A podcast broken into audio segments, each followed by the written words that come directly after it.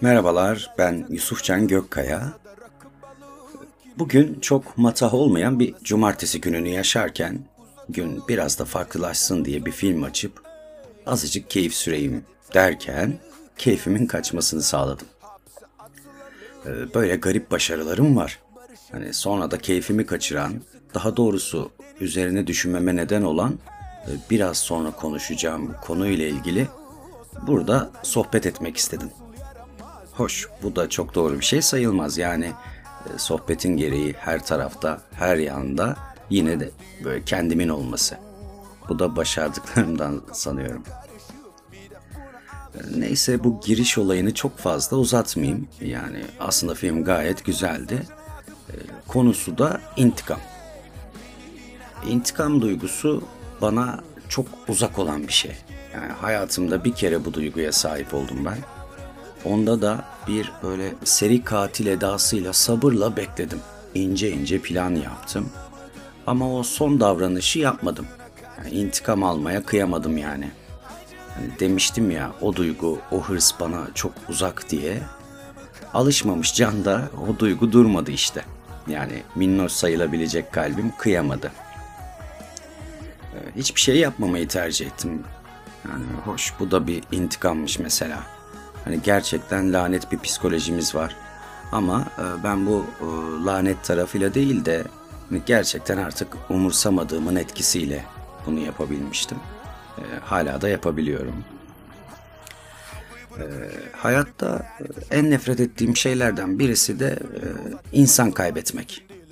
Hele bir de günümüzü, koşulları, gitgide küçülen aileleri, çıkara dayanan insan ilişkilerini düşününce bu çok değerli geliyor bana. Yani çok uğraşırım ben insan kaybetmemek için.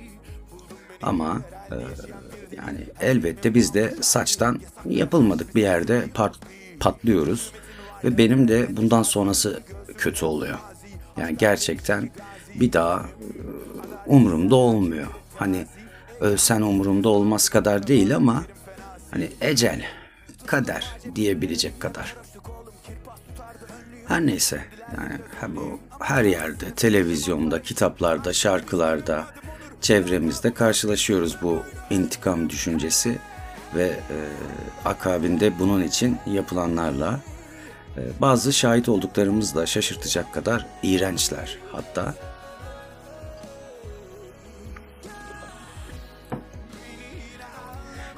İğrenç olmasının sebebi ise e, bir şeylerin yapılması değil onun neden yapıldığı. Bana en iğrenç geleni ise bu intikam duygusuyla gerçekleşen aldatılma olayı veya aldatma. Hani refleks mi, bile isteye, güle oynaya yaşamak mı bilmiyorum ama hani aynı masaya ortak meze olmuş gibi hissettirmez mi bu insana ya? Yani bunu göze almak şaşırtıcı gerçekten. Sözde intikam alıyorlar ama geride farklı kişilerin sohbetine kahraman olarak dahil oluyorlar. E, onlara da e, karşılaştırma yapması kalıyor haliyle. Yapmak kolaydır. Gerçekten en kolayı budur. Yani maharet hiçbir zaman kolaydan yana olmamıştır. Yani bu durumda da yine böyle e, intikam kelime olarak kötülüğe kötülükle karşılık vermek. Burada cortlanan bir konu var. Yani bazı durumlarda kötü sandıkları şeylere karşı gerçek kötülüğün yapılması. Yani ortadaki tek kötü sadece sandığı ve sandığına inandığı e, için intikamı alan veya almaya çalışan veya aldığını sanan oluyor. Ama e, bir sürü intikam alma şekli var elbette. Yani genellikle kardeş ilişkilerinde bu filmlerde sık sık işlenen değerli eşyalara zarar verme var mesela. Bazen hayatı zorlaştırma isteği var bir diğer intikam çeşidi olarak. Ee, onu da şöyle anlatabilirim. Hani e, size en küçük bozuk paralarla para üstü veren markete gıcık olup hani sabırla para biriktiriyoruz ya o biriktirdiğimiz bozuk paralarla da o, o alışverişi yapıyoruz. Yani bunu çoğumuz yapmışızdır. Yani en küçük böyle 5 kuruş, 10 kuruş, 5 kuruş, 10 kuruş 50 liralık alışveriş yaparız o kuruşlarla. Ya bu da bir intikammış mesela. Ee, yani tabi bunlar görece şeyler. Yani yani görece şeyler olmadı. Görece masum şeyler, masum intikam çeşitleri. Başkalarına rezil etme duygusu da varmış mesela. Tabi burada intikam duygusuyla ihlale uğratıldığını sanan kişiler tıpkı rezil etmeye çalıştıkları kişilere benzediğini unutuyorlar.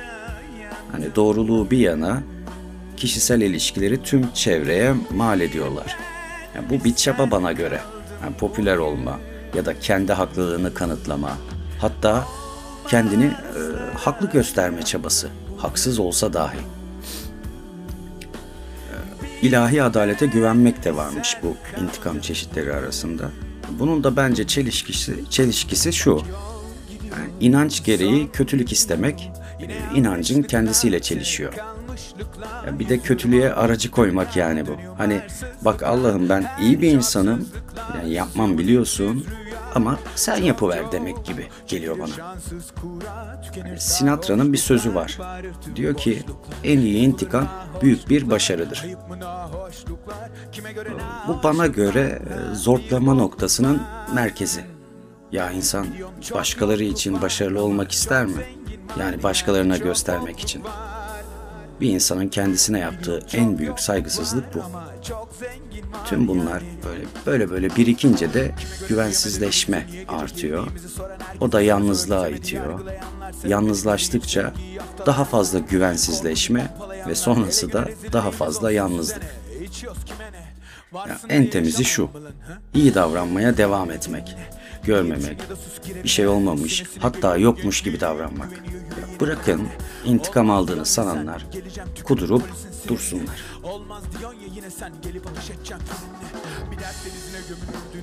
Bir intikam deneyi yapılmış mesela. Ee, bir grup bilim insanı ki bunlar yine İsviçreli bu konuyu araştırmışlar. Aralarında e, oyun oynayan bir grup birbirlerine haksızlık yapanlardan da oluşuyormuş. Yani bu grup arasında birbirlerine haksızlık yapanlar da varmış. Araştırmacılar haksızlığa uğrayanlara öç alma şansı vermişler. Ve bu şansa kavuşan grup üyeleri, üyeleri de öç aldıktan sonra e, kendilerini daha iyi hissedeceklerini düşünerek e, bu şansı kabul etmişler. İntikam alanların beyinlerinde e, beynin ödül süreçlerini yöneten bölümü çok fazla kullandığı görülmüş. Yani bu durum uyuşturucu kullanımı sırasında olan durummuş aslında. Yani şunu anlatıyor. İntikamın e, gerçekleştirilmesi sadece bir ödül olarak yer alıyor beyinde. Ama yani hiçbir ödülün yaşattığı haz sürekli değil. Yani anlık tatminler işte. Yani ya sonrası diye düşünüyor insan. O da o duygularla baş başa kalma yeniden. Yani o duygular gitmiyor. Confucius'un da bir sözü var. O tüm bunların özeti gibi aslında. Yani o da diyor ki e, intikam alma yoluna çıkmadan önce iki mezar kaz. Yani şu sonucu görebiliriz. İntikam almaya çalışmak e, yaraları açık tutuyor. Benim yolumun, tercih ettiğimin doğruluğunun bilimsel kanıtı bu. Yani hiçbir şey yapmamak, umursamamak. Bir de intikamdan sonra amalarla böyle devam eden kendi çevresine, kendisini aklama çabası var. Yani bildiğimiz mağdur edebiyatı aslında bu. Hani kurban rolünden ne yapsalar çıkamıyor bu insanlar. Bu konu bayağı bir örneklendirilebilir de yani tadında bırakmak istiyorum. Mesela intikam alıp da sonunda pişman olmaktansa affedip de pişman olmak daha iyidir demiş Cafer bin Muhammed. Bence kötü insan olmaya ya da insanın kendisini kötü yapabilecek davranışlara ihtiyacı yok. Olmamalı yani. Zamanın hediyesi gibi. Yani güzel konuşmayı, yani güzellikten kastım kötü söz söylememeyi bilmek bile hepsinden değerli bana göre. Kötü olmak için, e, kötülük, çirkinlik için uğraşmak yerine hiçbir şey yapmamayı daha değerli bulabilseler keşke. Fazlaca kötülükten bahsettim ama e, bu beni kötü yapmaz diye düşünüyorum. Yani kötülüğü gerçekten yapmadığım sürece tabii. Dinleyen herkese çok teşekkür ediyorum. Umuyorum kötüye, çirkine yönelmeden, güzele inanarak bazı şeyleri yapmanın çok kolay olduğu bu zamanda yapmamayı tercih edebilecek kadar iyi düşünebiliriz. Sağlıcakla kalın. Güzel bakın kendinize.